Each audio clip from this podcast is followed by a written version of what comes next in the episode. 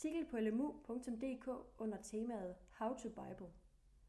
Artiklen er skrevet af Biver Røg Schmidt, som er teolog og er menighedskonsulent i LM. Overskrift Tåbeligt eller tidsbestemt.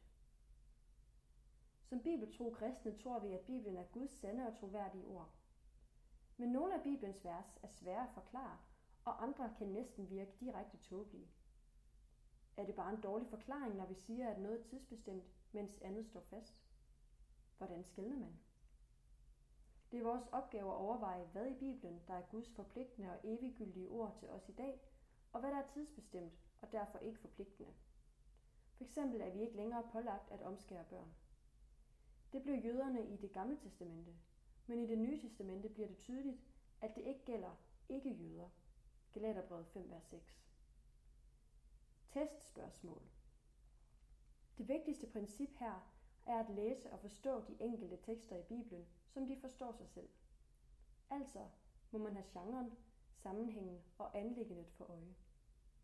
Mere detaljeret kan man sætte nogle testspørgsmål op for at fastslå, hvad der er tidsbestemt og hvad der er evigt gyldigt. 1.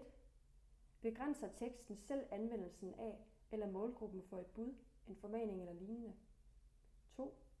Hvordan begrunder bibelteksten selv en given norm? I noget uforanderligt eller noget tidsbestemt. 3. Begrænser eller modificerer senere bibelske tekster et bud, en formaning eller lignende. 4. Er der tale om et udskifteligt tegn på en gudgiven ordning, eller om ordningen selv? 5.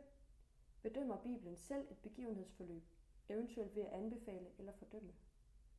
I eksemplet med omskærelse er både punkt 1 og 3 i spil. Køn og ægteskab. Et af de mere kontroversielle spørgsmål drejer sig om Bibelens tale om køn og ægteskab. I Bibelen er ægteskabet en livslang forpligtelse mellem en mand og en kvinde, og ægteskabet er den eneste ramme om det seksuelle samliv. Mange vil i dag sige, at tiden er løbet fra disse holdninger og kalde dem for tidsbestemte.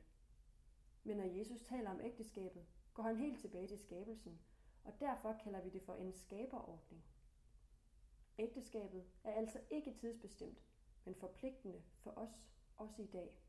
Matthæus 19.5 Bibelteksten henviser nemlig til noget uforanderligt, jævnfører spørgsmål 2. At Gud skabte mennesket, sit, mennesket i sit billede som mand og kvinde, betyder også, at de to køn er forskellige. De er lige værdifulde, men har forskellige roller i både hjem og menighed. I 1. Korinther 11, vers 1 og følgende kalder Paulus manden for kvindens hoved. Derfor mener vi i Luthersk Mission ikke, at en kvinde skal være præst. Bibelen taler mere konkret om det i f.eks. 1. Korinther 14, vers 34, og i 1. Timotius brev 2, vers 12 og følgende. Og også her ser vi, hvordan Paulus argumenterer med skaberordningen.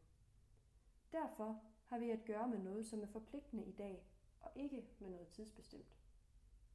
Udskifteligt tegn – men hvad skal vi så mene, når Paulus i 1. Korinther 11 skriver, at manden ikke må profetere med noget på hovedet, og at det forholder sig modsat for kvinden, som heller ikke må klippe sig korthåret? Her er udgangspunktet jo også, at manden ifølge skaberordningen er kvindens hoved. Det er et vanskeligt spørgsmål at tage stilling til. Men en rimelig forklaring er, at disse anvisninger er tidsbestemte tegn på, hvordan skaberordningen konkret måtte udmyndtes i den tids kultur, men ikke nødvendigvis i vores. Det er eviggyldigt, at manden er kvindens hoved. Men den synlige udmyndning af dette princip kan skifte fra tid til anden og er derfor tidsbestemt. Hvad der er tegn på myndighed, skifter fra kultur til kultur. Jævnfør spørgsmål 4. Husk, når Bibelen skal fortolkes, må vi være åbne over for, at andre når til andre konklusioner. Lad mildhed og omsorg råde, samtidig med, at du tillader dig at stå fast på dit, indtil du overbevises om andet. Du finder flere artikler i samme tema på lmu.dk.